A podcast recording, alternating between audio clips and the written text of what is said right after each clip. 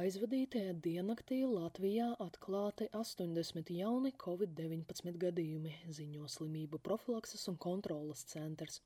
Saņemta informācija par vienu nāves gadījumu. Mirušais bija vecāks par 80 gadiem. Kopā diennaktī veikti vairāk nekā 7000 testi. Divu nedēļu kumulatīvais rādītājs ir sasniedzis 47,6 gadījumus uz 100 tūkstošiem iedzīvotāju. Slimnīcās ievietoti seši covid-19 pacienti. Kopā stacionāros ārstējas 51 pacients, no kuriem septiņi ir ar smagu slimības gaitu.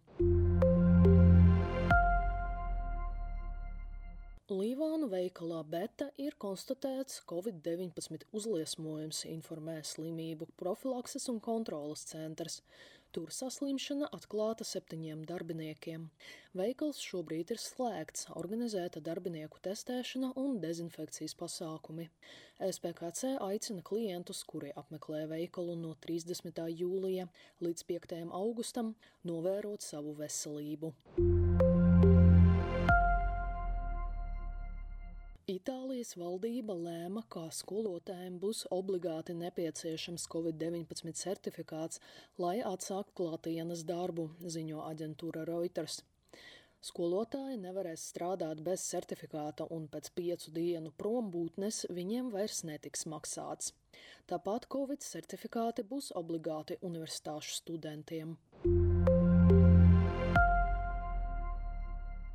Kopš pandēmijas sākuma ar covid-19 saslīma vairāk nekā 220 miljoni cilvēku, ziņo Leta.